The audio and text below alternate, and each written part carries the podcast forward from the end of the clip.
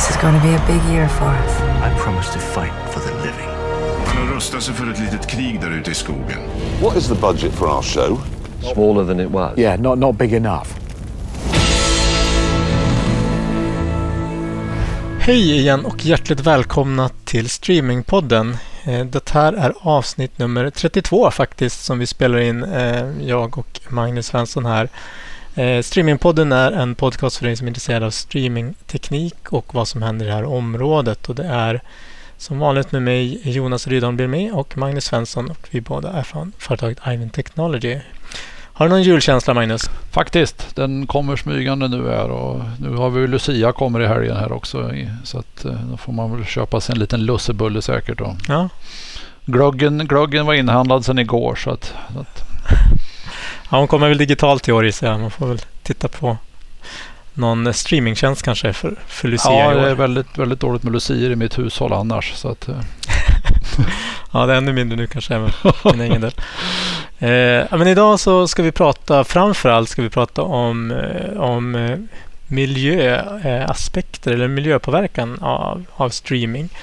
Eh, det är det är någonting som är relevant alltid egentligen eh, och speciellt också nu när kanske det här området då börjar öka i, i, i både nyttjandegrad och omfattning och så.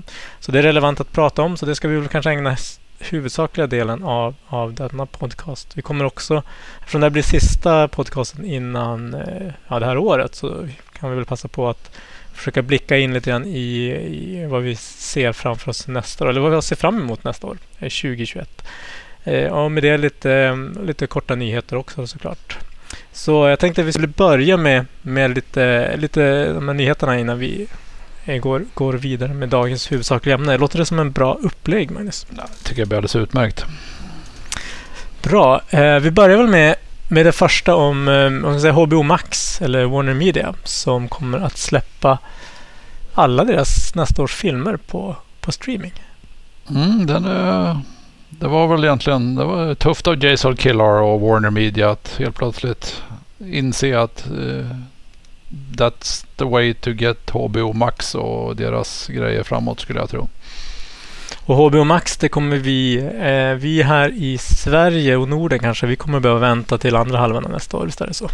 Så var det tänkt. Var det så jag har förstått att det kommer ske ett skifte in till HBO från HBO Nordic till HBO Max här i, efter sommaren nästa år. Så att, eh, Mm. gissar att det är full, full fart inom HBO och Warner Media för att titta över sina plattformar. Och det är nog både plattform och teknik och men även contenträttigheter och mycket sådana saker som, som ska lösas innan allting kan falla på sina plats. Så då har vi ytterligare en, en, eh, en global tjänst att eh, lägga, lägga pengar i nästa år från våra plånböcker. Absolut. Det ska bli intressant att se faktiskt. Jag har inte, jag har inte tänkt på det förrän du sa det nu vad det gäller prisbilden. HBO Nordic är motsvarande vad HBO Max kommer att kosta. Men man får väl på något vis gissa att det inte kommer att bli billigare i alla fall. Möjligtvis inledningsvis kanske billigare men sen. Det brukar, ju mer content de brukar fylla ju mer brukar de kunna peta upp priserna. Vi kommer väl komma till det runt Disney också skulle jag tro. Men att eh, priserna går ju sakta uppåt. Efter Det är ju intressant. Förlåt, det är, det är intressant att eh, även, ja, eller att, att de här aktörerna eh, använder biofönstret får man väl säga, eller biofilmerna som eh, dragplåster in till sina streamingtjänster. Mm. Det, och det är ju något som kanske, jag vet inte om det har accelererats av den här covidian era som vi lever i nu eh, eller om det är någonting annat. Men det är väldigt intressant ändå att man tar det här klivet. Eh, nödvändigtvis inte från biograferna men, men att man faktiskt kompletterar biograferna. Eh, Mm. på det sättet. Det var väl en oundviklig eh, omställning som var tvungen att ske skulle jag tro med det här liksom ganska långa biofönstret och sådana saker när Mm. streamingtjänsterna är så pass pressade som de är skulle jag tro vad det gäller att, att få tittare och få ekonomi i det. Men att det ska bli intressant att se för nu, nu än så länge så är det väl bara ett positivt case att få ut dem samtidigt. Men eh, vad händer när världen börjar öppna upp igen och man vill locka folk till biograferna? Liksom, har, vi, har vi tappat biograferna? Det tror inte jag men Där har jag det kommer garanterat ha min- minskat. Ja, där har jag personligen alltid velat hävda, även om jag har kanske inte data som stödjer det, men jag tror att det ändå är olika grupper kanske. Ehm, Mm. Så det är ju alla har ju inte möjlighet att gå på bio och för en del är det kanske väldigt dyrt också att göra det. Så jag tror att många som går på bio är det kanske mycket för dels den här du får en unik upplevelse vad det gäller ljud och bild och så. Det får du, plus att du får de sociala aspekterna av det också.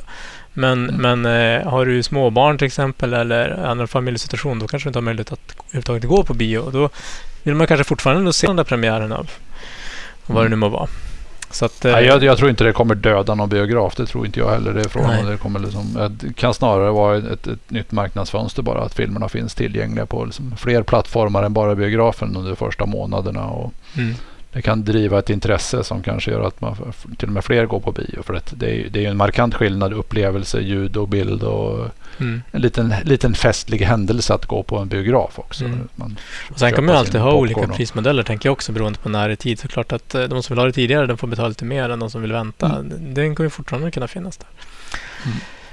Men bra, vi... Som jag vi... förstod på Warner Media så skulle de ju inte, de skulle liksom inte ta betalt för biofilmerna utan de släpptes ju på på tjänsten mm. i normal subscription. Till mm. skillnad från Disney som tog en extra slant för de här biofilmerna. Just det. Ja, det är... Jag tror fortfarande branschen famlar nog lite vart affärsmodellerna är mest lönsamma. Det är väl också där man, man behöver möta konkurrensen genom att göra kanske lite olika mm. eller så. Mm. Apropå Disney då, vi tar nästa då. De har ju presenterat lite siffror här. Du gillar ju siffror, eh, Magnus. Vill du dra dem eh, lite kort? Ja, det kan jag göra. Det var intressant. De hade sån, som de kallade en Investor Day igår. Så att de mm. hade press, press och eh, marknadsfolk bjöd de in igår kväll. Mm enorma siffror de presenterar. Nu är de uppe i 137 miljoner betalda subscriptions på Disney alltså med en helhet. Ja. Då räknas ESPN och Hulu med där också. Men de är uppe i nästan 87 miljoner Disney Plus-abonnenter på, på ett år. Mm. Den tillväxttakten tror jag inte man har sett närheten av. Så att, det är imponerande. En annan intressant nyhet de presenterade var ju att vi kommer få en tillägg till Disney Plus i resten av världen som de kallar sig för Star. Mm. Det är väl några som man... Några har liknat det med Hulu internationellt. Så det är egentligen deras icke Disney Plus äh, saker idag som eh, till exempel äh, 20th Century, mm. FX, Disney, Disney, Disney Television, Disney Studios. Ja som kommer komma i, i, för Europa och resten av världen som kommer det komma som en del av Disney Plus-tjänsten. Men, är det en, eh, men det är en eh, separat varumärke och ett separat, eh, kanske inte separat teknik i grunden, men en separat tjänst så att säga. Kan du signa upp på Star ja, nog, bara? Hur, exakt hur den kommer. Jag tror att du kommer ingå i ditt Disney Plus abonnemang. Så okay. jag tror det kommer vara samma, mm. samma app och samma upplevelse. Men kanske under en annan logga. För de har ju redan idag särskilt sina olika eh, okay. Pixar. Och, så det är inte en, eh, nödvändigtvis en egen tjänst som man bara kan signa upp på? Nej. Ja, Nej. Ja, äh, de... då, I och med det så kommer de ju höja priserna också, de rackarna givetvis. Så att eh, i USA så höjde de priserna en dollar och jag såg, tyckte jag såg någonstans att i Sverige skulle de höja priserna till och med 20 kronor. Okej. Okay. Ja. Så upp till 89 kronor i månaden.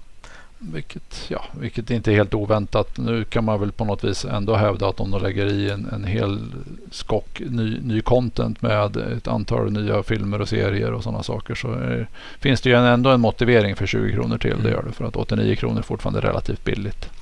De har ju med de siffrorna de, de, de du nyss presenterade så kan jag tänka mig att man har ett självförtroende också att göra.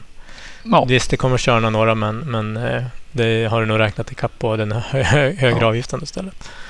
Är ganska imponerande då. Det var inte länge sedan vi pratade om att de hade nått 40 och sen pratade vi att de hade nått 60. Nu är de uppe i snart 90 miljoner. Och det är, som, det är bara några veckor mellan varje gång de presenterar nya siffrorna nu också. Så att det, mm. så att, nej, det är imponerande. Det, det, nu ska man väl se här vad som händer med prishöjningarna och när de här första nyhetens behag har lagt sig lite. Det, det, det, finns ju en viss kritik runt att det är mycket ung, barn och ungdomscontent och kanske mindre för mm. familj och vuxna. Men ja, jag tror fortfarande, lägger de på de här prisnivån så tror jag de kommer fortsatt komma, komma undan ganska bra. Mm. Ja, vi lämnar det och så går vi till en annan eh, mm. global aktör här. Eh, vi, vet, vi alla känner ju till, i alla fall vi som jobbar i det här området och är intressant, in, in, in, eh, initierade, så att säga. Eh, vår tjänst Dplay här i Sverige och Norden. Eh, som bland annat innehåll, har innehåll från eh, ja, kanalerna Kanal 5 och, och så. Eh, de kommer att branda om sig. Möjligtvis också byta teknikplattform, det vet jag inte. Men de kommer att branda om sig och bli en del av Discovery Plus som är, blir då Discoverys globala tjänst om jag har förstått det hela rätt. Det, det tycker jag ändå är ganska lite intressant Magnus om du tänker för, var det förra året som, som som Pontus från, från Discovery presenterade deras eh, plattform och hur de jobbade med olika brands på de olika eh, regionala marknaderna. Mm. Betyder det här att man har gått ifrån det konceptet? Jag var, jag var faktiskt lite förvånad samtidigt som jag inte blev det. För att man har ju sett att de har lanserat Discovery Plus i, i UK och sådana här saker och släppt Dplay-namnet där. Men det var inte länge sedan jag läste artiklar om att de håller stenhårt i sitt Dplay-varumärke och det är ett var etablerat varumärke och helt plötsligt så släpper man det bara. Mm. De har ju också, eh, som jag förstått, eh, eh, velat ta positionen att vara mer av en aggregatör också. Nu har de ju plockat in eh, något som eh, tjänsten Simor gjorde för ganska länge sedan ändå. Eh, att även plocka in eh, Sveriges Televisions utbud och kanaler i sin eller i alla fall kanaler i sin, mm. i sin tjänst. Och de har ju sedan tidigare också nu haft simor innehåll i form av sporten. Eh, så det blir, väl, det blir ju en uh, utmanare på den biten också, på säga, aggregatörsbiten här i, i Sverige och Norden. Nej, de har ju redan en ganska trevlig sport, sporterbjudande med, med stora paketen där och lägger du till kanaler och lite så här så att jag tror faktiskt att de är på rätt väg och jag personligen tror jag att Discovery Plus är ett, ett bättre varumärke än Dplay som jag tror fortfarande gemene man inte riktigt eh, vet vad det är och känner till. Nej. Nej. Det är liksom, äldre generationer tror jag fortfarande vet vad femman är men kanske inte vad Dplay är. Och Discovery är ett, ett mer etablerat varumärke tack vare Discovery Channel och hela det mm. paketet. Så att jag, jag tror nog det är rätt att byta till. Sen att man alltid måste lägga till det pluset. Det är väl, men det är väl för att särskilja det. Och på något vis har ju det blivit synonymt med streamingtjänst. Mm. Ja, nej, eh, precis. Vilket inte är så dåligt namn. Vi har väl ett poddavsnitt för pratat om det där eh, också här tidigare. Mm. Eh, mm. Nej, men det, det jag tycker jag är spännande att, eh, ja. dels att de eh, rör sig mot aggregatörshållet också. Eh, I egentligen ganska gott sällskap då med, med eh, tv-operatörerna som alltid väl egentligen haft någon form av aggregatörsroll som, som idag också redan trevar. Eh, skillnaden är väl att eh, om man tar som en tjänst som Discovery eller ett bolag, de har ju också mycket eget eh, som grund och sen så kan man addera till. Det är ju någonting som tv-operatörerna traditionellt saknar ska jag ju säga. De är ju bara beroende av innehåll från andra så att säga. Än så länge. Mm. Spännande i alla fall. Eh, nästa nyhet, eller lite kort, eh, det är om att Youtube går in som premiumsponsor till det här open source-projektet OBS. Och OBS, då, det är för de som inte känner till, det är egentligen en gratis och fri mjukvara för att eh, göra ja, enklare men tillräckligt bra eh, produktioner. Eh, används väldigt mycket bland de som streamar på Twitch och Youtube. Så det är väl ganska logiskt då att just för user-generated content då att eh, Youtube går in och sponsrar den här mjukvaran som tidigare har, har egentligen utvecklats helt ideellt bland, bland eh, eh fansen där ute så att säga. Så det... Ja, jag tycker det är intressant. Har vi sett någon summa eller har vi sett någon andel eller någonting sånt? Eller om det blir några skillnader tack vare det här? Eller har vi bara sett nyheten? Jag har, bara, jag har inte grävt så djupt i det när jag har sett nyheten. Eh, mm. Jag gissar att det är väl en, en summa helt enkelt som de får löpande till att ja. kunna...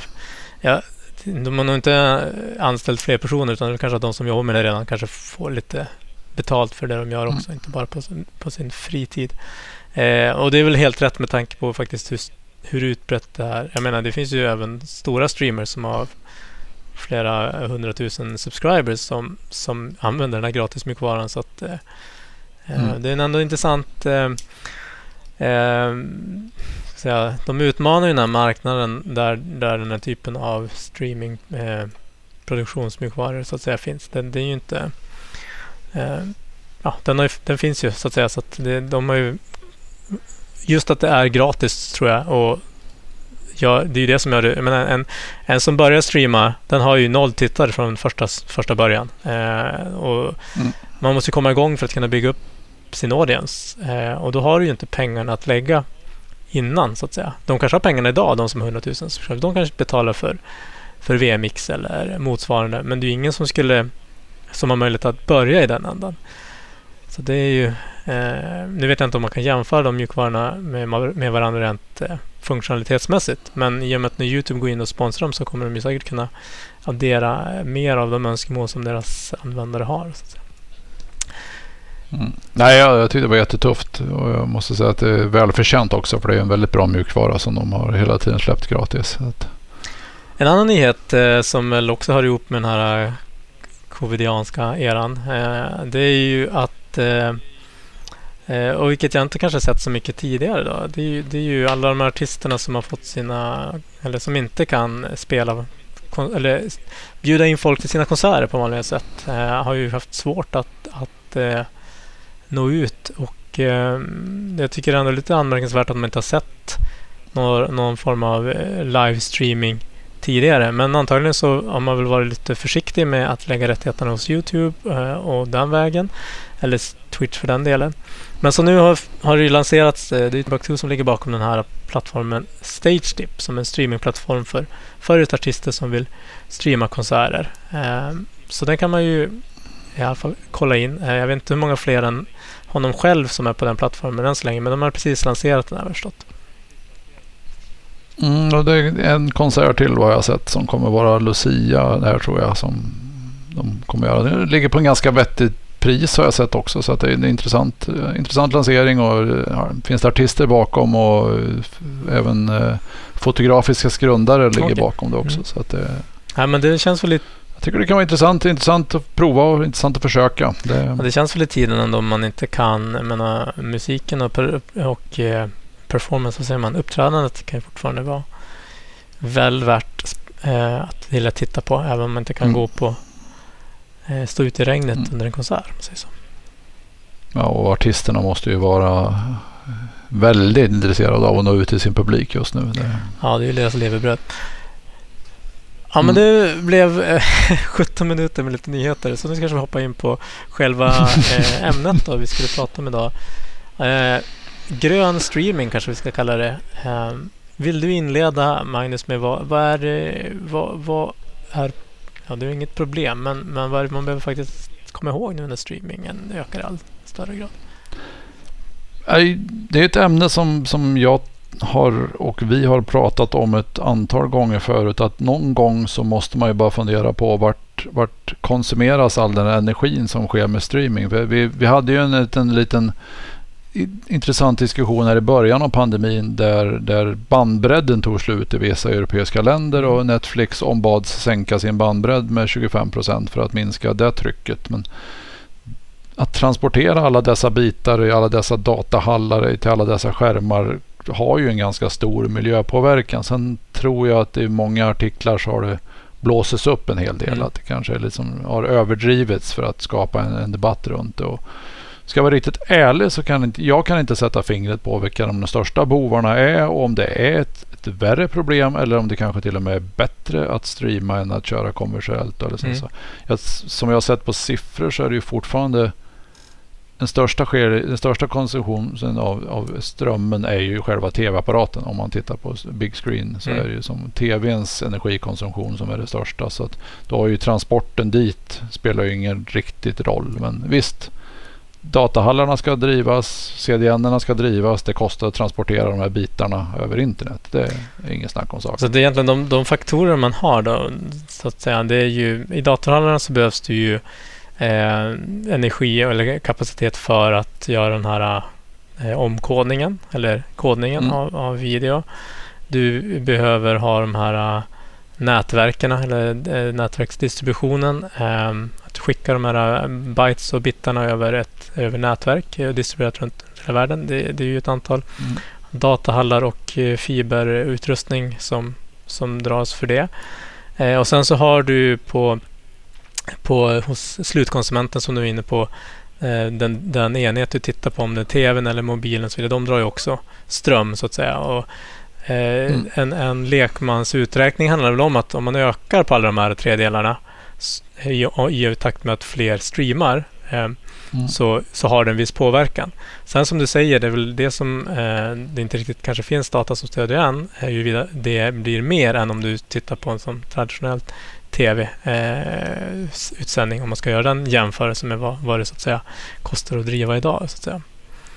Mm, och sen har jag också börjat diskutera lite med, med kunder och tillverkare om, om, om det är billigare och, och koda content så hårt som möjligt för att spara bitarna i transporten och sen att dekoda och packa upp det i andra änden. Vart går som brytpunkten mm. där? För att det kostar ju ändå datakraft att packa ihop och packa upp. Mm. Och vart går brytpunkten för hur mycket man ska lägga? För att om man tittar på AV1 och HIVC och de senare så är de ju klart mer energikrävande att, att både komprimera och dekomprimera. Mm. Ja, men, och då är frågan vart går, vart går brytpunkten där? Ja, precis. För alla de här tre delarna som vi nämnde, de, de, de tar ju energi. Och, eh, så det är ju frågan här om man, som du precis säger, om, om man sparar in eh, på bandbredden, det vill säga att du kan skicka samma kvalitet fast med mycket mindre data. Eh, då, då tar det upp mindre, mindre plats i nätet. Du behöver kanske färre fiberförbindelser och så vidare. Och så vidare. Eh, men gör man det på bekostnad av att det eh, kostar mer energi att eh, göra den här kodningen. Både på, i, på sändarsidan så att säga, för att förenkla, och på mottagarsidan. Eh, det är väl den utvecklingen som, man, som än är kvar att göra för att veta vart man ska sätta in rätt åtgärder så att säga. Mm. Eh, men eh, det man väl kan konstatera ändå, om vi säger att man ska öka storleken, alltså bildstorleken, och det vill säga skicka mer data, då, då kanske man behöver ändå titta på att effektivisera mm. bandbreddsutnyttjandet, framförallt kanske för att eh, den kanske stora kostnaden ligger i att du tar så mycket plats att du kanske måste bygga ut näten och bygga ut mm. näten. Och då kanske du in, får miljöpåverkan på det sättet att du bygger upp fler hallar, du behöver dra mer, eh, gräva mer kabel eh, och allt sånt där. Vilket ju i sin tur både tar plats och driver energi. Mm. Sen kan man ju titta, jag såg lite siffror från Netflix eh, kvartals eller årsrapporter från 2019. Så de ökar ju antal abonnenter med 20 procent under förra mm. året. Men de ökar energikonsumtionen med 84 procent. Så att någonstans har ju de börjat använda mer energi. Sen kan man ju, och de har ju då inte räknat in eh, själva slutanvändarens tv eller video, eh, dator eller mobiltelefon. Utan det här är ju rent deras datahallskonsumtion. Så att någonstans börjar vi använda mer och mer elektricitet för att, att, att hantera strömmad film. En, en aspekt som man skulle kunna göra, vilket jag, vi får väl se om det kommer, men det kan jag tänka mig att, att säg Netflix eller någon annan streamingoperatör eller streamingtjänst lanserar ett, ett grönt eh, abonnemang. Eh, som, mm. som kanske är lite billigare, men du har en cap på hur hög upplösning du kan få. Kanske mm. du bara får 720p eh, istället för 1080 och 4K dels få ett billigare abonnemang och du bidrar positivt till att inte överkonsumera energin. Om du inte har en större TV kanske du inte behöver ha, ha mer än det heller. Och så kan du känna med gott samvete att du bidrar till, till eh, minskad miljöpåverkan. Mm. Eh, det är ju något man skulle kunna göra rent för att eh, hjälpa kunderna att göra rätt val. Men det kanske kommer. Mm. Och jag tror ändå att du kan effektivisera utan att det blir mer energikrävande att, att koda och dekoda också. Så att jag tror att man behöver liksom inte gå till ytterligheterna där heller. Men du kan redan idag se över dina bitrates och inte slösa med bitar. Mm. Och, enda... Så vet jag att många, många CDN-tillverkarna tittar ju på att använda förnybar energi och sådana här saker. Att jag vet att både Akamai och eh, flera andra sitter och tittar på hur de kan liksom minska energiåtgången och använda för åter förnybar energi i sina datahallar. Och, mm. och eh, eh nu tappade jag lite grann tappade jag tråden här. Men eh, eh, det kanske kommer tillbaka om en liten stund eh, vad jag skulle säga. Eh, jo. Eh, nej men precis. Jag men för, för bara några år sedan då pratade man ju väldigt mycket om om eh, hur mycket, alltså hur mycket, ja men den här, vi levererar i 8 megabits. Eh, det, det, Mm. det är bra kvalitet så att säga. Eh, vi har bästa kvaliteten, vi kör, vi kör 8 megabit per sekund. Det är inte riktigt de tongångarna kanske som går, går idag just nu. Det är inte det man framhäver främst. För det Ja. måttet säger inte mer än att du tar mycket plats. Säger ingenting egentligen om hur bra och effektivt du nyttjar den platsen. Kan man säga. Nej, och sen kan man ju titta på, jag såg några siffror här precis också, att en, en 8K-TV använder dubbelt så mycket energi som elektricitet som en 4K-TV. Ja. Så att eh, som det frågan, behöver alla då 8K-TV-apparater eller vart, vart, vart stannar vi där också? Liksom, till slut kommer inte ögat se så mycket mer. Så att det måste ju finnas en, en, en drivkraft även hos TV-leverantörer och TV-tillverkare att få ner energin. Mm. Eh, Jag tänkte vi skulle ändå ta upp där, för det, det cirkulerar en del siffror här. Eh, och, och, eh, och jämförelser som man kanske eh, behöver vad heter det, ta lite grann med en nypa salt i alla fall om man läser de här. För det har spridits i ganska många, många medier. Och det är väl just det här att eh, man har väl gjort en jämförelse där med att eh, hur mycket, hur mycket, hur mycket, många timmar du streamar eh, jämfört med en att köra bil samma sträcka. Mm. Ehm, och eh, den, det man har väl hört är väl att eh, man har jämfört att om du tittar 30 minuter på Netflix så använder du ungefär lika mycket eh, eh, CO2-emission som om du kör nästan 4 miles. Vad blir det i... Ja, jag kan inte räkna ut det. Men, men Ja, det är väl fyra gånger, ja, sex, sju kilometer. Eh, men, men de siffrorna är ju... ehm, ja, det, innehåller en del fel bakom den uträkningen kan man väl säga. E- Ett exempel är att man har blandat ihop megabyte versus megabit och så vidare. Så att eh, det, det tar ju säkert energi och man kan säkert göra den jämförelsen. Mm. Men, just de siffrorna, de, om man stöter på dem kan man väl eh, vi kan länka till en, en faktagranskande artikel här som tar upp de problemen med de siffrorna. Så har vi i alla fall nämnt det. Ja, och den, den kommer fram till, den, just den artikeln kommer fram till att det är en halvtimme Netflix motsvarar 100 meter i en bil. Så Det är lite liksom- skillnad. Det har varit lite Ja. skillnad på några kilometer. Så. Men så att, men jag, jag tror att det cirkulerar som, som du säger Jonas en hel del siffror och eh, påståenden. Och jag tror att man må, än så länge måste man nog börja liksom faktagranska dem lite och, och eh, se vad de egentligen motsvarar för, för bakgrundsinformation. Och det är ju lätt att man tänker så här att ja, men nu går vi alla över till HVC-kodning för allting för att det blir mer effektivt och även på de lägre bandbredderna. Eh, och det är ju säkert eh, frestande att göra det. Eh, men eh, det tål ju att man funderar på vad, det, vad det innebär också, eh, rent energikonsumtion. Jag vet inte om det har gjorts några eh, mätningar så hur mycket, hur mycket energi eh, HVC drar versus eh, någonting annat och sådär. Mm.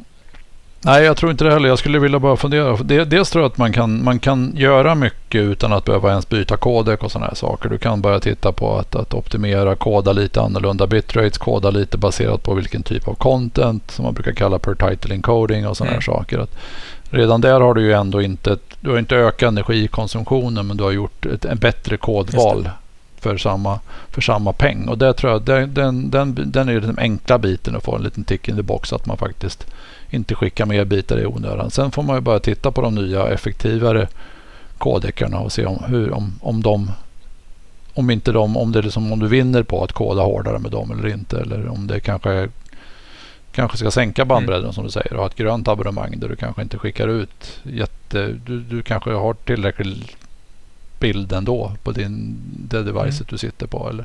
Ehm, och, ehm, men ett sätt också att inte slösa bitar på det är ju att man, ja, man kan eh, producera eh, en, en tillräckligt bra kvalitet, så upplevd kvalitet eh, med, med färre bitar. Och där har vi, det har vi pratat om tidigare i den här podden, finns det ju olika sätt att göra de, de, de mätningarna så att säga. Och ett är ju VMAF som Netflix är ju en av upphovsmännen bakom så att säga. De har för övrigt eh, släppt en ny version va, av sitt bibliotek.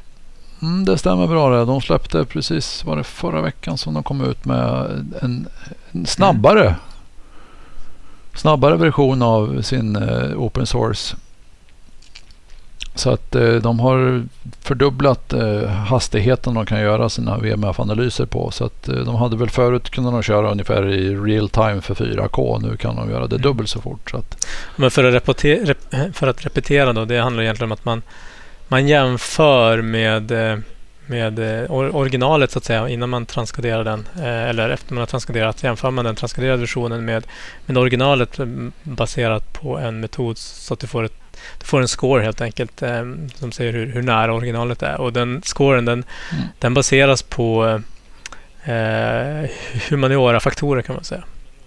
Och en, en Mm. eh, eh, lite maskininlärning. Eh, så att du behöver ju träna den här modellen också med ditt innehåll. Då.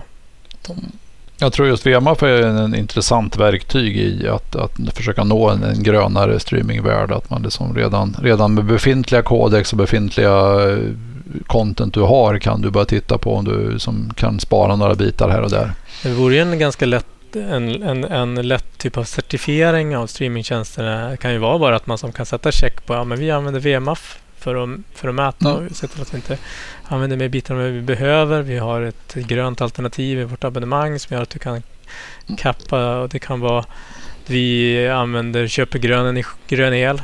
Vi, eh, ställer Mm. krav på datacentren att köpa grön el och så vidare och så vidare. Så det finns ju saker säkert man kan göra eh, eh, redan idag eh, med, Mm. med de verktyg som finns. Ja, jag, tror att diskussionerna verkar ha kommit igång nu på allvar på flera kanter. Jag, jag har publicerat några artiklar och det har tagit skruv i, i många diskussioner. Så att Mm. intresset finns ju verkligen att, att titta över de här bitarna och, och se vad man kan faktiskt påverka. Så det är, ju- jag ska säga att det är ett väldigt stort intresse i branschen att, att vara med och påverka här. Och sen är det ju alltid så här, det, är, ju- här är ju alltid, det, är ju, det kan ju vara svåra frågor såklart. Man, ska, ju man kan ju alltid jämföra med ja, men om jag sitter och tittar på TV istället för att ut och köra bil och så vidare. Det, är ju, Jo, man kan sätta i och så flyget också. Men, men, men det, är, är egentligen inte, det är ju inte det det handlar om. Det handlar om att man alla ska bidra på något sätt. Mm. Och även vi i vår bransch. Absolut. Jag tror att vi kan göra mycket här som, som bransch och eh, vi, går, vi på Ivin går gärna i bräschen här och hjälper till med det vi kan. Mm.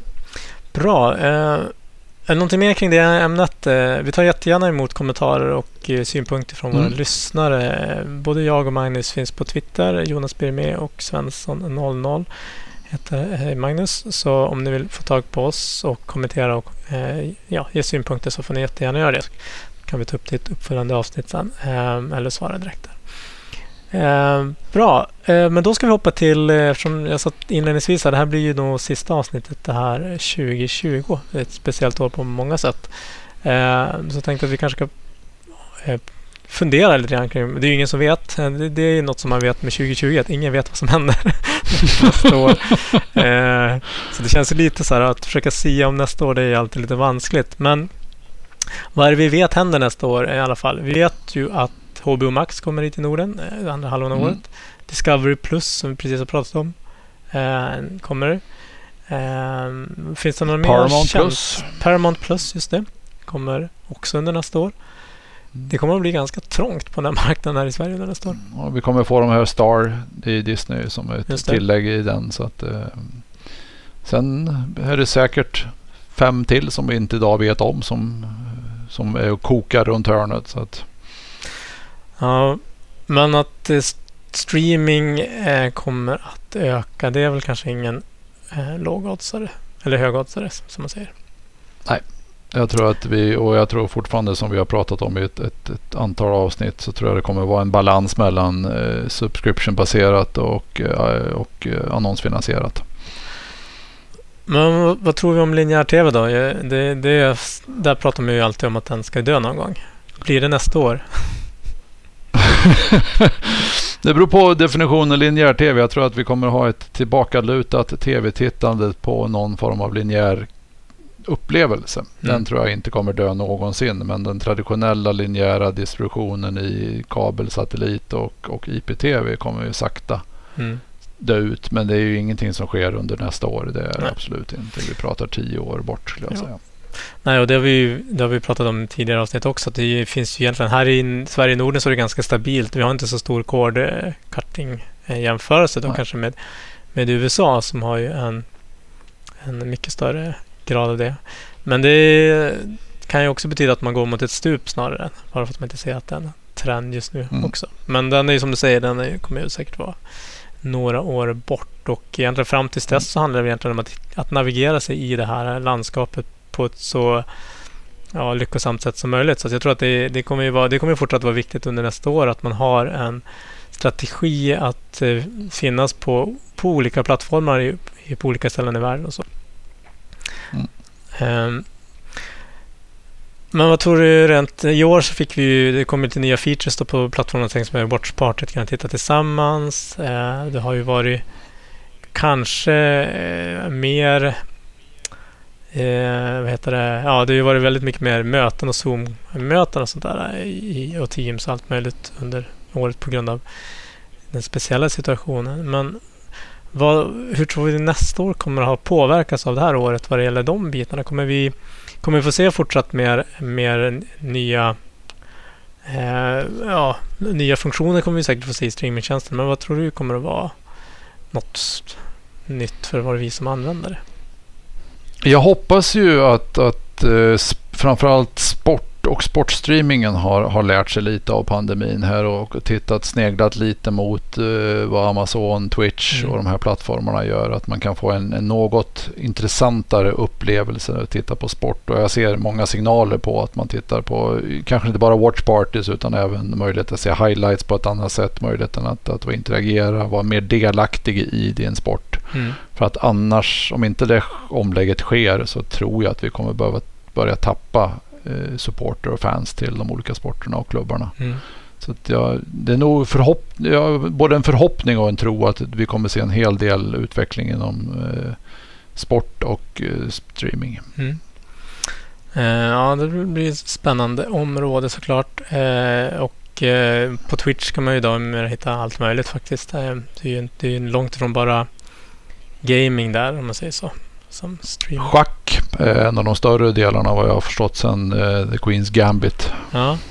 Eh, Så det, det streamas en hel del schack under, på Twitch just nu. Ja.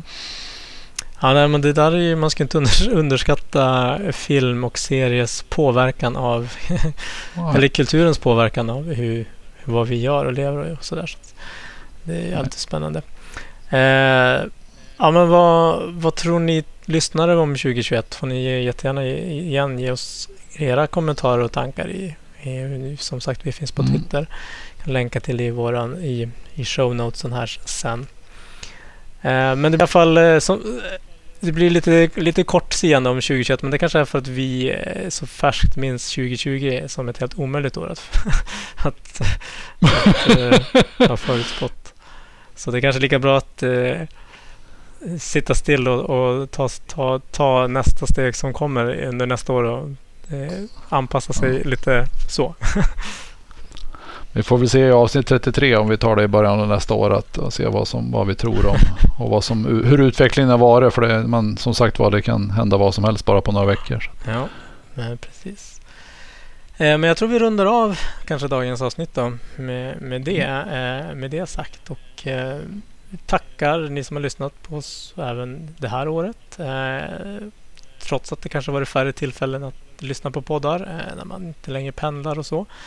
Eh, ni som i alla fall varit kvar och lyssnar fortfarande, ett stort tack till er. Eh, och jag hoppas att eh, ni fortsätter lyssna på oss under nästa år. Eh, så vi får väl passa på att önska både god jul och gott nytt år i det här avsnittet, Magnus. Vad säger du? Absolut, absolut. Och hoppas att det blir en tillräckligt trivsam och mysig jul och nyår för allihopa. Då hörs vi på nästa sida. Hej då! Ni har lyssnat på Streamingpodden. En podcast för dig som är intresserad av streamingteknik och nyheter i området. Programmet produceras av Ivin Technology, leverantörsoberoende specialister inom videoteknik och mediedistribution.